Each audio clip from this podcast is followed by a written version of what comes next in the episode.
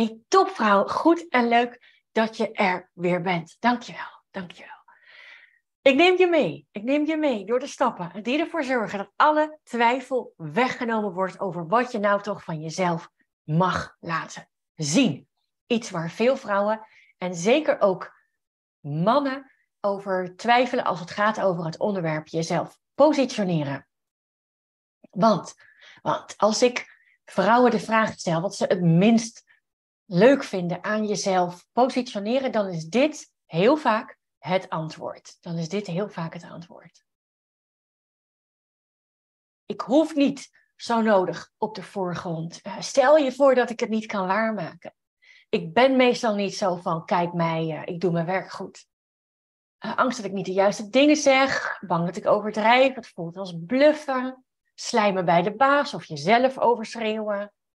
Ik ben liever bezig me nog beter te maken met de inhoud van mijn vak. Heel herkenbaar, heb ik ook heel lang gedaan. Het voelt snel, snel als overdreven, dat ik zichtbaar ben en niet arrogant over wil komen. Ik sta niet graag in de belangstelling. Angst dat mensen er iets van vinden en het hoofd boven het maaiveld uitsteken. Dat is eng.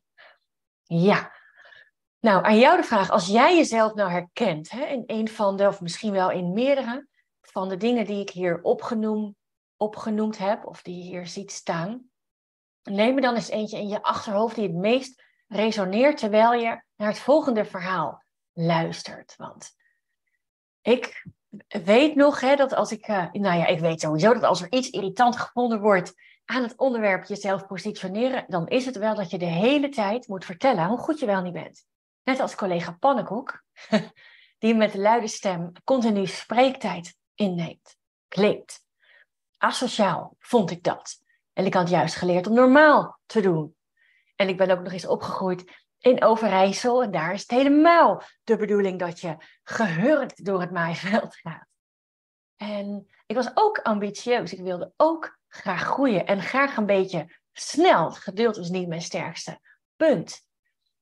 Dus ik wist dat zichtbaar zijn me verder zou helpen. Hè? Ervoor zou zorgen dat ik sneller zou groeien. En tegelijkertijd zette ik mijn zichtbaarheid minder in, want ik wilde zo graag trouw zijn aan mezelf. En eh, met arrogant zijn en met asociaal zijn was ik dat niet. En dat was een squeeze en dat is precies waar het begon te wringen, waar het begon te schuren. Ik wilde iets en dat wat er voor nodig was om dat voor elkaar te krijgen, daar vond ik wat van. Dat vond ik asociaal, arrogant. Maar goed, als ik mezelf de hele tijd, of als ik zichtbaar zijn de hele tijd arrogant en asociaal zou zou blijven vinden, dan komt er van mijn zichtbaarheid bar weinig terecht. En van mijn groei en van mijn dromen en van meer geld dus ook niet.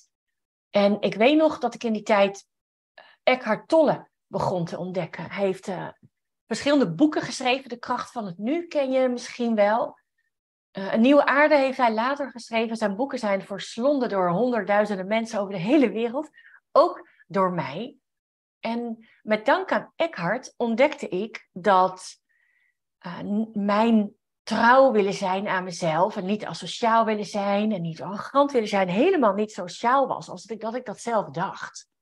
Want het was vooral de good girl in mij die vond dat ik me moest gedragen zoals ik dacht dat ik me hoorde te gedragen. Ja, arrogant zijn hoort niet, asociaal zijn hoort ook niet. En als je dan ook nog eens meegekregen hebt dat je hoofd niet boven dat maaiveld uit mag, of dat je gewoon normaal moet doen, ja, dan is je plek innemen, dan is je punt maken in een meeting of een overleg al snel asociaal en arrogant. Dus ergens ook wel ironisch, hè? want ik was de hele tijd zo bezig met trouw zijn aan mezelf, terwijl ik daarbij eigenlijk vooral trouw was aan die good girl in mij. En die good girl, kan ik je één ding over vertellen, die staat vooral in dienst van anderen en niet in dienst van jou. Nou, toen daar gaandeweg de weg wat vrijer voor mezelf werd, ontdekte ik nog iets. Misschien ken je deze uitspraak wel, be good and tell it. Als je iets wilt in je werk of in je bedrijf, dan is goed zijn natuurlijk belangrijk, maar minstens zo belangrijk is het daarover te vertellen. En ik dacht bij mezelf, oké, dat is allemaal leuk en aardig, goed zijn in je werk en erover te vertellen. En ik wist ook ergens wel waar ik goed in was, wat mij nu precies mij maakte. Uh, maar ik weet ook van mezelf dat goed niet snel goed genoeg is.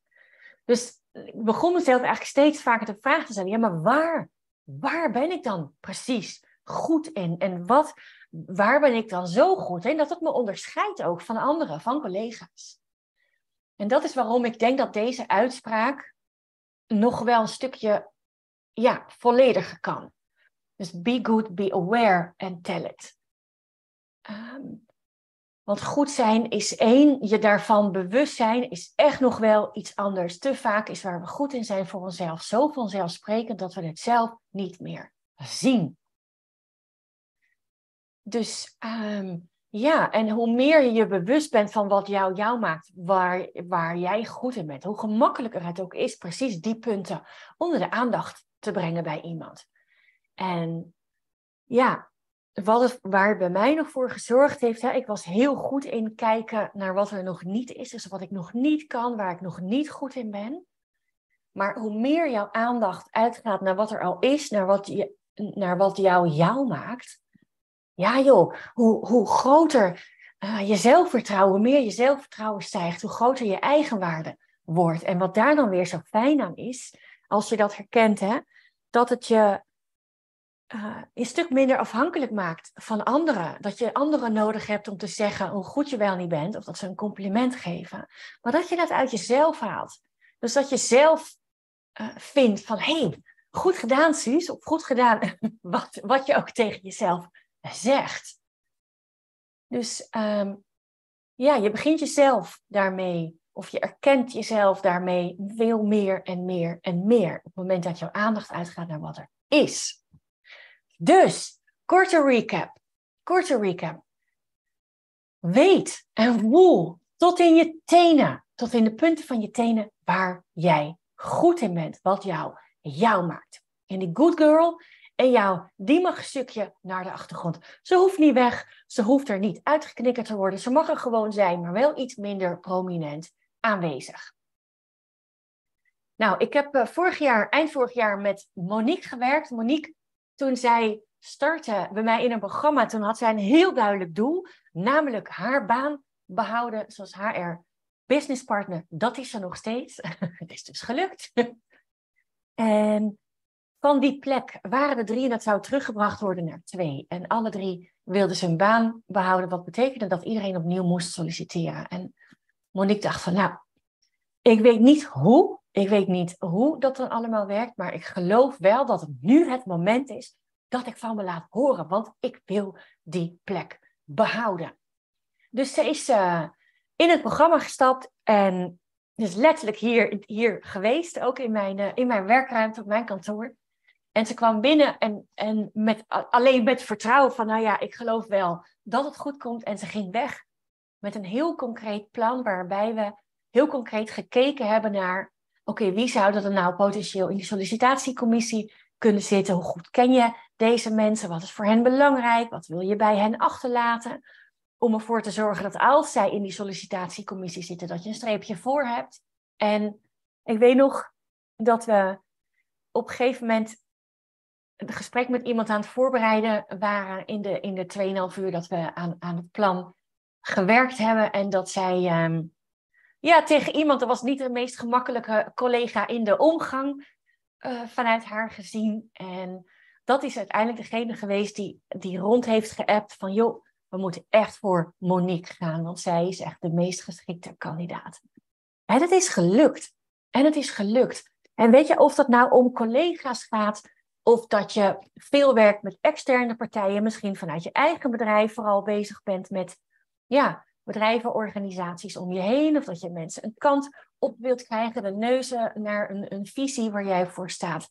Dat maakt niet uit. Het gaat erom, jij wilt iets en daarbij heb je ja, iets nodig van anderen. En die kun je voor je laten werken om uh, sneller of überhaupt voor elkaar te krijgen wat voor jou belangrijk is.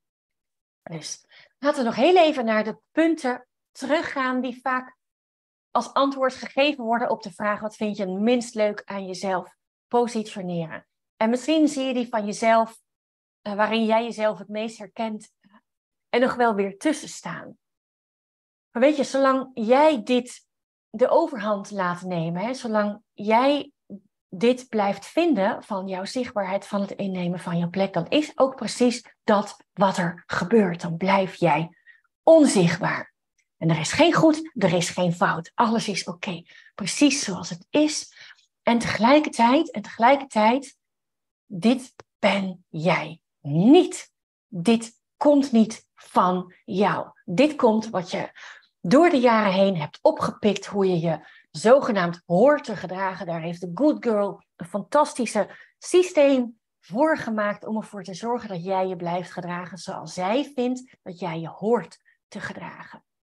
Maar dit ben jij niet. Dit is niet jouw authentieke zelf. Dus als jij trouw wilt zijn aan jezelf, dan is dit niet trouw zijn aan jezelf. Dat is die good girl in jou die jou met heel veel plezier en vaak ook met succes toespreekt dat je niet zo arrogant moet doen of dat je lekker in dat maaiveld moet blijven zitten. Maar er is er maar één die dat vindt en dat is die good girl van jou. En als je, als je één ding uit dit verhaal onthoudt, en daar ben ik altijd heel strak op, die good girl heeft ongelijk. Ze heeft geen gelijk. Ze heeft geen gelijk.